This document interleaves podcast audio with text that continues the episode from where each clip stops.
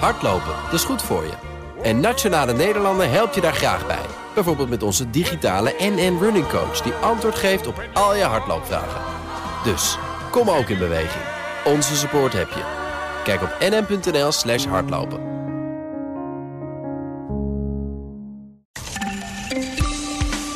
Een deel van de jonge en fitte mensen die corona krijgen... houdt langdurige klachten. Maar niemand weet hoe groot die groep is. Bij Amazon ben je vaak het goedkoopst uit... en daarmee krijgt de webwinkel voet aan grond in Nederland.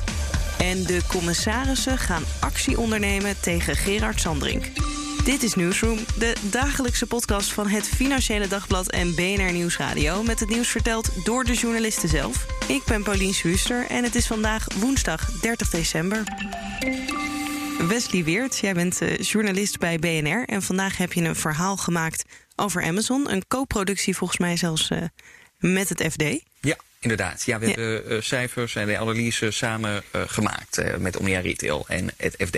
En uh, misschien moeten we even beginnen bij um, Amazon, uh, wanneer ze op de Nederlandse markt kwamen. Volgens mij viel dat een beetje samen met het begin van de coronacrisis. Dat viel inderdaad samen met het uh, begin van de coronacrisis. In maart was de officiële lancering van Amazon.nl. En ja, vanaf die tijd zijn ze dus officieel in Nederland gelanceerd. daarvoor konden we al wel via Amazon.de bestellen, maar toen via Amazon.nl. Um, en ja, sinds die introductie, of eigenlijk bij die introductie, zag je, uh, want wij hebben hier natuurlijk al een best wel een, een volwassen e-commerce markt. En de verwachting was van ja, hè, komen ze daar wel tussen? Want we hebben al de bol.coms en de Cobbloes uh, uh, natuurlijk, die het heel erg goed doen. Die ook heel snel kunnen leveren. In veel gevallen ook wel een behoorlijk goede service hebben. Dus is er plek voor Amazon. En nu nou, vonden we het wel tijd om de balans op te maken een paar maanden later. Bijna ja, een jaar later. En, en wat is het antwoord uh, op die vraag? Is er plek? Er lijkt wel plek te zijn. Amazon slaagt er in ieder geval uh, behoorlijk in om uh, uh, je voet aan de grond te krijgen. Marktaandeel ook in te pikken. En die achterstand op gevestigde namen als die bol.com en Coolblue. om, die, om die achterstand ook aanzienlijk te verkleinen. En dat, ja, dat is op zich wel een prestatie als je ziet ja, hoe, hoe sterk die andere merken ook, ook zijn. Ja, Omnia Retail, uh, zei je, die hebben deze analyse uh, gemaakt. Waar hebben ze precies naar gekeken? Inderdaad, hoe groot dan het marktaandeel is van Amazon? Of? Ja, ja, marktaandeel is, is, is, is lastig, omdat die marktaandeelcijfers, zoals bijvoorbeeld bij supermarkten, ja, die zijn online niet zomaar te, te verkrijgen. Um, ze hebben wel een, een marktanalyse gedaan. En ze hebben daarbij bijvoorbeeld gekeken naar het aantal doelverwijzingen via vergelijkingssites. Dus als, je, als jij uh, een product uh, zoekt, je bent op zoek naar een nieuwe wasmachine, nou dan kijk je vaak ook uh, welke wasmachine is het beste. Kijk je de recensies, maar je kijkt ook vaak waar je hem het goedkoopste kunt, ja, waar je hem überhaupt kunt krijgen, waar je hem het goedkoopste kunt krijgen. en dat doe je dan vaak via zo'n vergelijkingssite.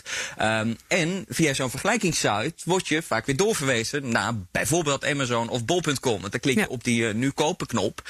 Um, en uh, ja, als je daarna kijkt, dan zie je dat uh, via vergelijkingswebsites dat er al net zo vaak naar Amazon wordt doorverwezen als naar bol.com. En bol.com is in Nederland qua omzet de grootste van ons land. Um, dus als je daarna kijkt, en dat is best wel een goede indicator, omdat ja, die cijfers laten toch wel heel goed zien hoe die verkopen zich ontwikkelen. Uh, ja, is het Amazon al gelukt om binnen een paar maanden tijd uh, op die gedeelde eerste plek met bol.com te staan. Dan moet ik wel zeggen dat dat dan niet meteen betekent dat zij ook hetzelfde marktaandeel hebben. Um, want er zijn natuurlijk ja, genoeg mensen die bijvoorbeeld uh, bij, bol.com of bij Coolblue direct via de website kopen zonder tussenkomst van zo'n uh, prijsvergelijker. En dat zit dan niet meegenomen in, in die cijfers. maar het laat wel een heel goed, heel, heel goed beeld zien, denk ik. Ja, en weten we dan ook hoe Amazon dat heeft gedaan? Nou, dat zou voornamelijk te, te maken hebben met hun uh, prijsstrategie. Uh, want ze zijn nog, uh, nogal agressief in, het, in het prijzen. Dat is ook hun strategie, niet alleen in Nederland. Maar ook in al die andere landen waarin ze actief zijn. daar was ook een bepaald moment waar, waar, waarop ze die markten betraden. En ook daar zie je dat ze heel erg op die prijs zitten. Een zo laag mogelijke prijs om die klanten over de streep te trekken. En dat lijkt wel uh, dus effectief te zijn. Dat zie je dus enerzijds in uh, de, de, de mensen die via die vergelijkingswebsites worden doorgelinkt naar Amazon. Maar ook bijvoorbeeld als je kijkt naar uh, bereikcijfers. Want afgelopen maand trok Amazon ruim 7 miljoen Nederlandse bezoekers. En dat is een verdubbeling ten opzichte van vorig jaar. Dus ook daarin zie je dat het echt wel, ja, dat, dat het echt wel aanslaat. Dat het dus lukt om die mensen daar naartoe te trekken. Ondanks dat die introductie van Amazon niet eens heel erg soepeltjes verliep. Omdat uh, het assortiment was, was onvolledig. We hebben daar eerder dit jaar een verhaal over gemaakt. Vertalingen waren vaak slecht. Maar ja, mensen zijn toch, gaan toch voor de laagste prijs kennelijk. De FD heeft het over bodemprijzen. Amazon bestookt de Nederlandse markt met bodemprijzen. Dat voelt dan ook niet echt houdbaar. Of hebben zij diep genoeg zakken om dat lang vol te kunnen houden? Ja, ze hebben natuurlijk wel hele diepe zakken, waardoor ze dit uh, best wel eventjes uh, vol kunnen houden. Wat dat betreft uh, hoeven, ze, hoeven ze niet op, op, de, op de kleintjes te letten. dus dat kunnen, dat kunnen ze wel even volhouden. En je moet niet vergeten dat ze die strategie dus niet alleen in Nederland hanteren, maar overal. in Nederland, wat dat betreft, ja, hoe, ja, alleen in Nederland hoeven ze niet echt concessies te doen, want wij zijn zo klein. Dus, dus ze doen dat overal, dus dat kunnen ze wel even volhouden. Ze hebben natuurlijk ook daardoor, doordat ze zo groot zijn, enorme inkoopkracht. Dus ze kunnen ze kunnen enerzijds dus genoegen nemen met net wat minder marges, maar ze kunnen misschien ook uh, een, een leverancier iets meer onder druk zetten en iets lagere prijzen uit onderhandelen. Dus wat dat betreft zou het wel uh, redelijk houdbaar zijn, ook op de lange termijn. Maar ja, eh, in Nederland, ik, zei het daarnet al, hebben we wel een hele volwassen e-commerce markt. Dat was bij uh, veel gebieden waar Amazon uh, eerder, die Amazon eerder betrad, ja, die waren veel minder volwassen. Daar waren, dat, wij vinden het heel normaal dat als wij vandaag bestellen, dat de volgende dag ons pakketje al in huis is. Of misschien bij sommigen zelfs al op dezelfde dag geleverd mm -hmm. is. Of dat je 30 dagen of 100 dagen je producten retour kunt, stu kunt, sturen en ze ook nog uit kunt, kunt proberen. nou, dat was in veel andere landen niet. Is in Nederland wel. Dus Amazon moet wel iets meer doen om echt uh, uh, nou, een van de grootste of de grootste te worden. Want dat zijn ze op dit moment uh, nog niet. Nee. En het verbaast me dan ook als ik lees dat, uh, dat bijvoorbeeld Coolblue zo'n 8% hoger zit qua prijzen dan gangbaar is. Dus misschien nog wel nog iets hoger dan Amazon. Dat dat toch nog zo'n grote speler dan ook blijft. Ja, nou dat heeft denk ik, dat, dat, nu, het is, het is ook een vrij uitzonderlijke situatie natuurlijk. Uh, vanwege de coronapandemie die, die er is, waardoor die prijsverschillen misschien nog wat groter zijn geworden dan normaal gesproken. Uh, nee, je weet ook aan het begin van de coronacrisis ontstonden er allerlei tekorten. Mensen gingen massaal online kopen. die levertijden die liepen op. dus wat dat betreft zie je ook wel dat sommige webwinkels de afgelopen tijd juist hun prijzen hebben verhoogd. Juist om te voorkomen dat ze nee moeten verkopen. Hè? Want ze zijn al druk genoeg bezig om die pakketjes op tijd uh, te kunnen bezorgen.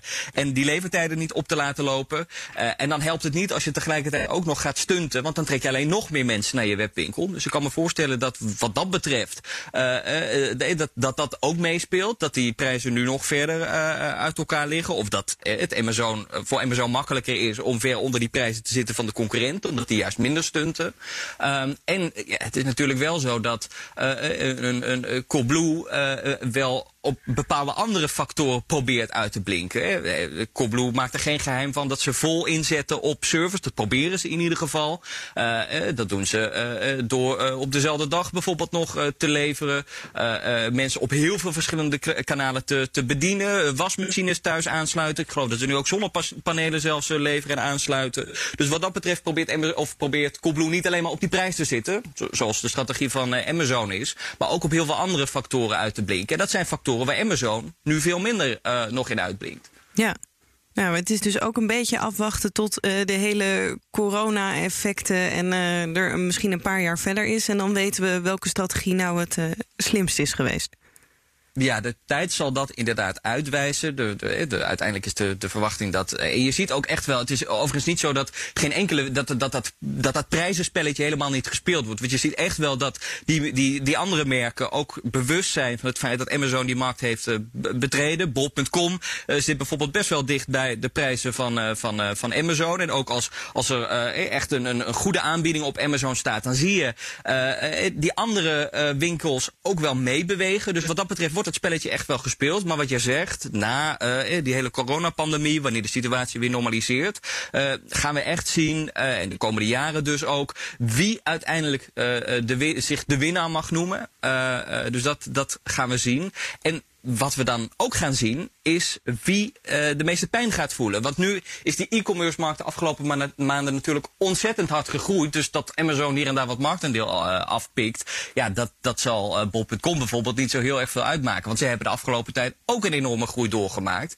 Maar straks, als de situatie normaal is en Amazon nog meer uh, af, uh, afpakt uh, en bol.com minder hard groeit, of een Coolblue minder hard groeit, of een Weekamp of een Mediamarkt, ja, dan gaan zij dat wel voelen de komende jaren. Ja, spannend. Lijkt me wel een interessante markt om te volgen. Nou, dat blijven we ook zeker doen. Dankjewel, Wesley. Alsjeblieft. Ik zei, hij doet het nog steeds en toen viel je weg. Hoor je mij weer? Ja, eh, nu hoor ik je. Uh, hij, ik, volgens mij heb ik mijn gezicht tegen het knopje aangeduwd. Ah. Van uh, record. Oké, ja, dat, dat, dat kan inderdaad. Uh, nee, nee, je, je, bent er nu weer. Stijn van Geels van het FD. Uh, welkom weer in de podcast. Maandag uh, zat je er ook al in. En we gaan het over een vervolg hebben op dat verhaal. Maar misschien moeten we even voor iedereen die toen niet heeft geluisterd, heel kort zeggen waar we het toen over hebben gehad. Ja, het gaat over Gerard Sanderink. Uh, Gerard Sanderink is de eigenaar van uh, onder andere bouwbedrijf Structon. Uh, hij is ook de eigenaar van Centric, een groot IT-bedrijf dat onder andere voor de Nederlandse bank werkt. En ongeveer twee jaar geleden heeft, ruim twee jaar geleden inmiddels, heeft de 72-jarige Sanderink een nieuwe vriendin gekregen. en sindsdien ja, is hij in allerlei conflicten met zijn vorige uh, omgeving beland. Uh, hij heeft uh, ongeveer met, nee niet ongeveer, maar met het totale bestuur van Centric ruzie gekregen. Um, of in ieder geval zijn, zijn die bestuurders allemaal vertrokken. Ja. Um, hij heeft ook uh, met zijn ex-vriendin uh, ja, een grote vete, omdat hij ineens denkt dat zij gefraudeerd heeft. Uh, en ja, de afgelopen tijd heeft dat tot allerlei rechtszaken belang. Oh nee, Stijn, daar ga je weer. Hoor je mij nog? Uh, als je mij nog hoort, wil je dan even opnieuw uh, inbellen, kijken of dat werkt. Hallo Stijn. Hoi. Jij was bij rechtszaken. Wat, ik was bij rechtszaken, inderdaad. Ja. Ik zat trouwens ook nog te denken, we hebben een tijdje geleden simkaart gewisseld. En sindsdien heb ik niet meer in de podcast gekeken. Dus wie weet dat dat er nog iets, iets mee te maken heeft. Maar uh, maar ik was inderdaad bij rechtszaken. Um, Gerard Sanderink die, uh, uh, ja, is, is in allerlei rechtszaken beland. sinds die ja, Rian van Rijbroek als, als nieuwe vriendin heeft. Om, omdat hij denkt dat, dat zijn omgeving in het verleden gefraudeerd heeft. hij denkt onder andere dat zijn ex-vriendin illegale transporten naar Gambia heeft, heeft voorbereid. en stiekem, terwijl ze ook directeur was bij een van zijn bedrijven, een, een porno-site exploiteerde. De, de, de gekste beschuldigingen uh, heeft hij. Uh, en um, dat, dat heeft geleid tot een hele reeks aan rechtszaken, omdat uh, ja, vooral zijn ex dat, dat niet over zich heen laat gaan. en vorige week is er bewijsbeslag gelegd. mocht. Ehm, uh, gekeken worden um, ja, naar, naar zijn telefoon en wat voor mailtjes dat hij allemaal uh, gestuurd heeft. En op dat moment zou Sanderink zijn iPhone op afstand hebben laten, hebben laten wissen. Daar, daar hebben we het maandag verder over gehad. Ja, en dat was op het hoofdkantoor van Structon, hè? Dat, dat was op het hoofdkantoor van Structon, inderdaad. en um, uh, ja, dat, zoiets gaat best wel ver op, op het uh, vernietigen van bewijs. Terwijl er beslag op, op wordt gelegd, staat maximaal vier jaar gevangenisstraf. Dus dat is, het is wel een serieus delict. En um, daar werden. Um, Vanochtend, uh, of, of gisteren, werden daar Kamervragen uh, over gesteld. Uh, en dat was voor mij de reden, ja, laat ik, laat ik nog maar eens even rondbellen met wat klanten van Centrum, hoe zij, hoe zij reageren. en laat ik ook weer eens opnieuw bellen met, met de voorzitter van de Raad van Commissarissen. die, die vraag ik regelmatig naar zijn mening. En tot nu toe kreeg ik eigenlijk niet echt een heel uitgebreid antwoord. en, en nu tot mijn verrassing, ja, kreeg ik een wat ander antwoord. Ja, want wat was zijn antwoord? Zijn antwoord was dat Sanderink ook wat betreft de Raad van Commissarissen nu toch echt te ver gegaan is. En, en dat ze tot nu toe nooit, nooit ingegrepen hebben, omdat de conflicten rondom Sanderink ofwel met zijn privésfeer te maken hadden, ofwel met zijn zonnepanelenbedrijf en zijn IT-bedrijf. en die twee vallen buiten de holding waar zij commissaris over zijn. Dus daarom vonden zij dat, dat zij zich er nog niet uh, echt actief mee te bemoeien uh, hadden. Maar ja, omdat dit toch op het hoofdkantoor van Structon gebeurd is. Uh, en, en Structon er toch nu ook wel echt bij betrokken is. ja, vindt de Raad van Commissarissen dat ze actie moeten ondernemen. Ja, want laten we die Raad van Commissarissen en die Kamerleden even los doen. Want dat gaat dan ook weer over het andere bedrijf. Want die commissarissen die zijn commissarissen bij Oranjewoud. En dat is de holding boven Structon, toch? Ja, dat is uh, inderdaad de holding boven Structon. Uh, Oranjewoud is een beursgenoteerd bedrijf. En dat bestaat uit uh, Structon aan de ene kant en Antea Group. Dat is een groot ingenieursbureau. niet zo heel bekend, maar ook wel, wel behoorlijk groot. ja, en dat is samen Oranjewoud. en dat staat aan de beurs genoteerd. Maar iets van 98, zoveel procent van de aandelen is van Gerard Sanderink. als ik het me goed herinner. Maar hij koopt ook nog steeds een beetje bij. Dus dat zou alweer iets anders kunnen liggen. Ja, want wat jij daar zegt, dat is natuurlijk wel belangrijk uh, voor in hoeverre zij kunnen ingrijpen? Want, want eh, hebben zij er iets over gezegd? Of weet jij iets over wat die commissarissen kunnen doen tegen hem? Wat die commissarissen kunnen doen, ja, dat, dat, dat is nog best wel een ingewikkeld uh, terrein. Uh, die commissarissen kunnen Gerard Sanderink op zich afzetten als, ja, als, als de hoogste man van, van Oranjewoud. dus ze kunnen hem zijn actieve rol afpakken. maar vervolgens ja, is, is Sanderink weer groot aandeelhouder zelf. dus heeft hij ook weer macht over de commissarissen. en hoe dat exact werkt durf ik eigenlijk niet te zeggen. Dat wilde ik vandaag verder, verder uit gaan zoeken. Uh, maar Sandre kan in theorie ook die commissarissen weer afzetten. Ja, dus dat zou nog best wel een, uh, ook een juridische of wat dan ook strijd uh, kunnen gaan worden. Mochten ze dit Dat zou best wel weer een strijd kunnen gaan worden. Ja. ja. ja. En, en uh, ik, ik, ben heel benieuwd hoe dat de komende tijd verder gaat. Uh, en, en, wat we nu hebben begrepen is ja, dat de commissarissen Sanderink nog, nog twee weken de, de, tijd gegeven hebben. En, en, waarvoor die precies twee weken de tijd voor heeft, uh, uh, dat is mij nog wat onduidelijk. Uh, maar over twee weken verwacht ik daar dus wel meer over te horen. Maximaal twee weken dus. Ja. ja, wat dat dan precies ja. de deadline was en of die dat wel of niet heeft gedaan. Ja, ja, en ik ben ook heel benieuwd wat, uh, ja, wat die acties zullen gaan zijn. Ik denk dat een heel logisch uh, scenario zou kunnen zijn dat, uh, ja, dat de commissarissen zeggen dat, ja, dat, dat, dat Sanderink zijn actieve rol niet meer aan kan en dat er dus wat anders voor gezorgd moet worden. en dat Sanderink daar, daarop reageert door ja, misschien een bijzondere aandeelhoudersvergadering met dus vooral hemzelf op te zetten. waarbij hij die commissarissen weer, weer wat oplegt. Uh, en ik, ik, ik schat haast in dat dat uiteindelijk uh, ertoe zou kunnen leiden dat, ja, dat die commissarissen besluiten om te vertrekken. maar ook dat is wel ja, een bijzondere situatie. Want als, als beursgenoteerd bedrijf hoor je ja, intern wat toezichthouders te hebben. en ik ben ook heel benieuwd wat voor, voor commissarissen daar dan weer voor terug zouden komen. Ja, wat je er dan neerzet. Ja. Maar goed, dit, dit is allemaal wel een beetje speculeren. En het, ja. het kan natuurlijk ook zo zijn. Uh, het ligt misschien niet zo heel erg voor de hand gezien de voorgeschiedenis. Uh, maar misschien dat Sanderik toch ook wel een keer zich iets gaat beseffen. Uh, uh, ja, dat het toch wel heel toevallig is dat, dat zo'n groot deel van zijn omgeving. Uh, met, met wie die jarenlang, tientallen jaren lang heeft samengewerkt. ja, dat die nu, nu ineens zich tegen hem keren dat dat misschien toch ook wel iets aan hem zou kunnen liggen. Ja. Nou ja, dat, dat moeten we dan even afwachten. Hoe dat loopt, dat, dat is de Structron Oranjewoud kant. Dan hebben we nog uh, Centric, wat tot nu toe dat IT-bedrijf wat hij heeft, wat tot nu toe veel meer in het nieuws was rondom ja. uh, deze affaire. En daar zijn dus die uh, Kamervragen over gesteld, toch? Uh, nou, die Kamervragen zijn over de, de bedrijven van, van Sandrink gesteld. De, dus niet SEC over Centric. Uh, maar Centric speelt daar wel de, de grootste rol in. en, en Centric is dus het IT-bedrijf wat onder andere voor de Nederlandse bank werkt. Ja, want, want de Kamervragen is dan een beetje de strekking... kunnen we wel samenwerken en helemaal in dat soort gevoelige... gemeentelijke basisadministratie, de Nederlandse bank... met iemand die zo, nou misschien onvoorspelbaar reageert? Uh, ja, onvoorspelbaar reageert. En waarbij je ook niet helemaal weet wat hij met die gevoelige gegevens uh, zou kunnen doen. Willen de Kamerleden dat vooral uh, weten? Of, of, vragen ze ook aan de minister of de staatssecretaris van... hey, kunnen we geen ander bedrijf vinden? Uh, die, die, die, vraag, die laatste vraag wordt niet zo letterlijk gesteld. Uh, uh, maar ja, in ieder geval willen die Kamerleden dat, dat de minister hier kritisch naar kijkt of het nog wel gepast is dat, ja, dat, dat Centric zoveel voor de overheid doet.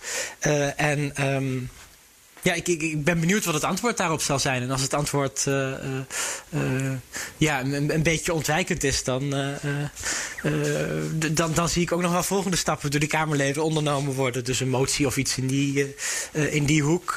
Ja. maar goed, dat is ook weer allemaal speculeren. Eerst maar eens even afwachten wat, wat die antwoorden gaan zijn. en, en de vragen waren dit keer wel, ja, wel pittig en ook wel heel, heel feitelijk. Dus ik, ik ben heel benieuwd wat het antwoord daarop gaat worden. een van die vragen was bijvoorbeeld ook: uh, ja, hoe afhankelijk zijn we precies?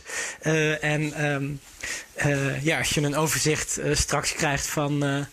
Um, ja, welke overheidsinstanties precies de software van, van Centric gebruiken of de andere diensten van Centric. ja, dan kan dat het debat misschien ook weer op, op scherp zetten. Want is er eigenlijk, zijn er veel alternatieven voor een bedrijf als Centric, wat zij doen? Uh, ja, er zijn, er zijn op zich wel verschillende alternatieven voor. Um, maar het, het, lastige van de IT-markt is dat het uh, allerlei verschillende, uh, ja, toch wel hele specifieke vakgebieden zijn. en je op elk terrein wel een paar alternatieven hebt, maar, maar ook weer niet heel veel. En de opdracht die, die Centric voor de Nederlandse bank doet, ik, ik, ik, denk dat die wel tamelijk makkelijk door een ander over te nemen is. Al, al, kost het natuurlijk altijd een hoop energie om, om over te stappen van het een naar het ander. Um, ik denk dat het veel moeilijker is bij uh, het werk wat Centric voor gemeentes doet. Uh, omdat dat uh, heel veel hun eigen specifieke software is. en om dat over te zetten naar de software van een ander bedrijf, dat, ja, dat kan natuurlijk ook wel. maar ja, dat is een veel grotere operatie. en af, afhankelijk van wat voor soort pakket het precies is, ja, wordt het door een meerderheid van de gemeentes in Nederland gebruikt. Ja, en even de gemeentelijke dus basisadministratie omgooien, dat, ja, dat gaat natuurlijk niet zo simpel. En ik kan me voorstellen dat bijvoorbeeld je vanuit de Kamer daar dan ook minder invloed op hebt. Dus dat misschien dan elke gemeente afzonderlijk weer moet gaan bedenken dat ze wel of niet in zee willen met dat bedrijf. Uh, ja, dat, dat is zo. Ja. En dat maakt het ook weer, uh, weer behoorlijk ingewikkeld. En als Rijk sta je toch, uh, toch meer, iets meer op een afstand van de gemeentes. en kun je die ook niet zomaar overroelen. En ja, gemeentes zitten natuurlijk ook qua qua budget uh, beperkt. Uh, dus dat maakt misschien ook dat zij helemaal niet zo'n zin hebben om, om te gaan overstappen. en als kleine gemeente is je onderhandelingsmacht natuurlijk ook weer niet heel groot.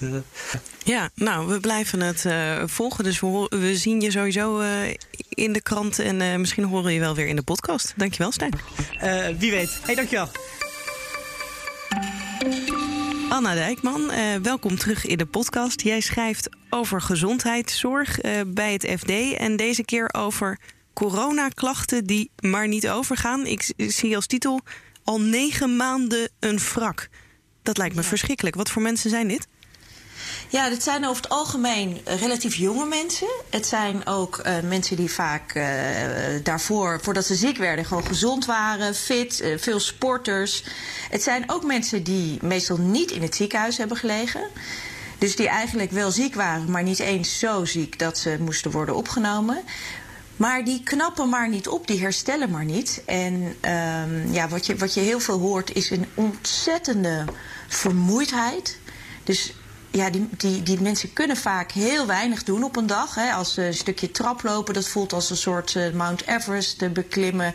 Even een boodschap doen, daar moeten ze dan een hele dag van bijkomen. Het zijn hele, ja, hele schrijnende verhalen die, uh, die ik heb gehoord en gelezen. Ja, en hebben we een idee van de omvang van deze uh, groep? Want we horen er al maanden over dat er mensen zijn die dit hebben. Maar weten we iets over wat voor een deel het is van de mensen die corona krijgen? Of hoeveel mensen in Nederland? Of... Ja, het is, het is, dat is nog echt eh, best wel lastig te zeggen. In uh, het Verenigd Koninkrijk is, is net een onderzoek gedaan door het uh, ja, Centraal Bureau voor de Statistiek daar. En daar bleek toen dat 20% van de coronapatiënten had na vijf weken nog klachten. Maar goed, dan kun je nog niet natuurlijk echt spreken van langdurig ziek zijn. Maar na drie maanden had nog 10%. En ehm, ja, uit, uit ander onderzoek komt een beetje naar voren dat 2% nog uh, na zes maanden klachten heeft. En daar wordt meestal vanuit de medische hoek wel van gezegd: ja, dan heb je echt langdurige uh, COVID.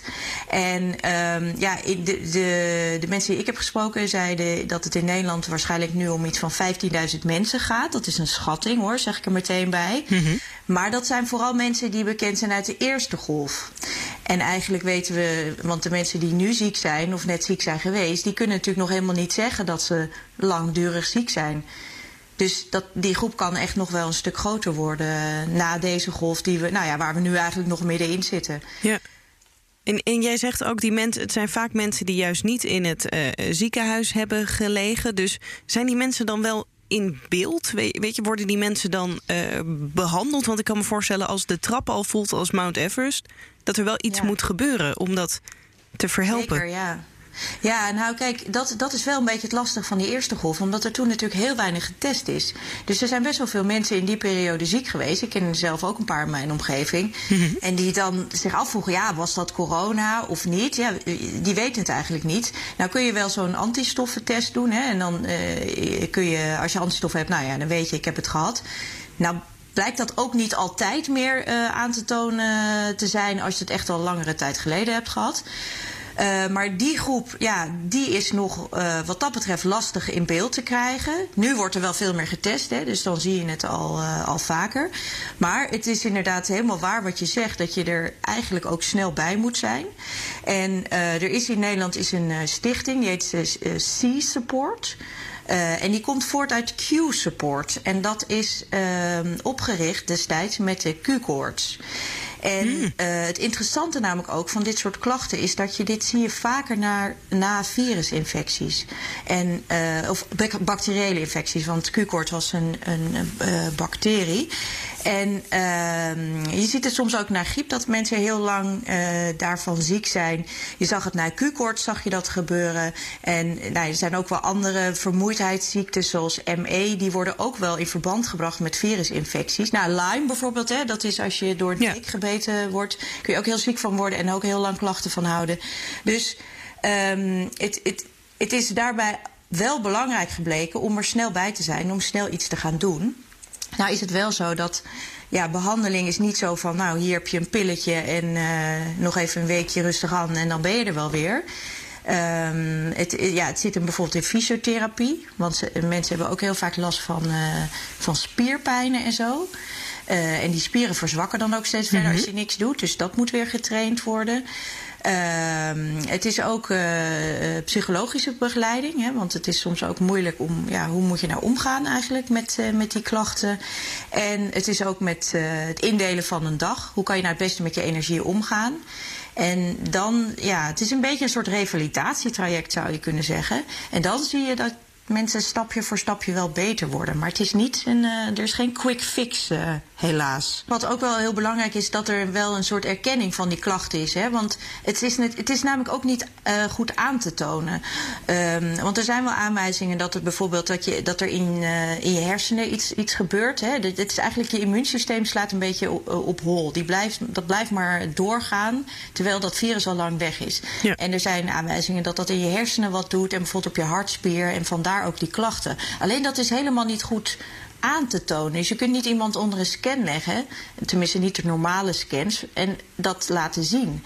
Dus dan is het heel snel, ook binnen de medische circuit, dat het dan, ja, dan zijn het een beetje onverklaarbare klachten. En dan worden niet alle specialisten nemen dat dan even serieus. En dan word je eigenlijk naar huis gestuurd. En ja, het zit tussen je oren. Ja. Terwijl dat dus helemaal niet is. En dat, dat kan mensen natuurlijk ontzettend eenzaam maken.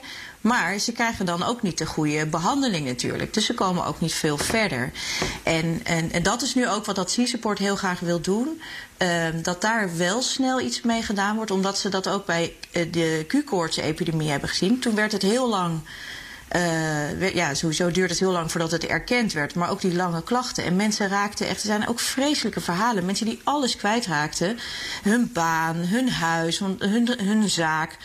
Omdat ze niet meer konden werken. Maar eigenlijk niemand erkende dat dat kwam door die, uh, die ziekte die ze hadden. Maar dat het een beetje van ja, uh, het zit tussen je oren.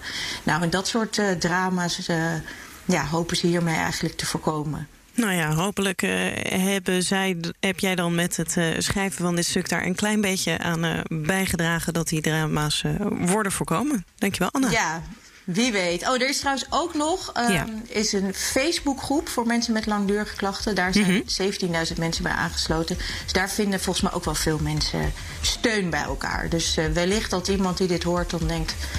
Daar ga ik ook eens op kijken. Ja, nou, mocht iemand hier uh, luisteren en denken... dat uh, weet ik niet te vinden of hoe kom ik in contact met die stichting... dan kunnen ze ook altijd mailen naar nieuwsroom.bnr.nl of nieuwsroom.fd.nl. En dan hopelijk kunnen ze met jouw hulp de goede kant op sturen. Zeker, ja. Dankjewel. Graag gedaan. En hiermee zijn we aan het einde van Nieuwsroom voor vandaag. Wil je dus reageren, dan kan je mailen, zoals ik net al zei, nieuwsroom.bnr.nl of nieuwsroom.fd.nl. De show notes die vind je op bnr.nl slash nieuwsroom.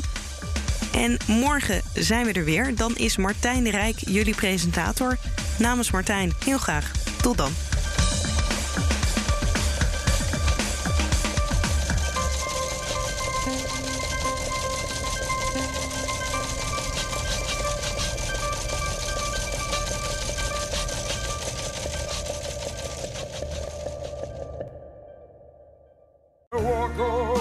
Hardlopen, dat is goed voor je. En Nationale Nederlanden helpt je daar graag bij. Bijvoorbeeld met onze digitale NN Running Coach... die antwoord geeft op al je hardloopvragen. Dus, kom ook in beweging. Onze support heb je. Kijk op nn.nl slash hardlopen.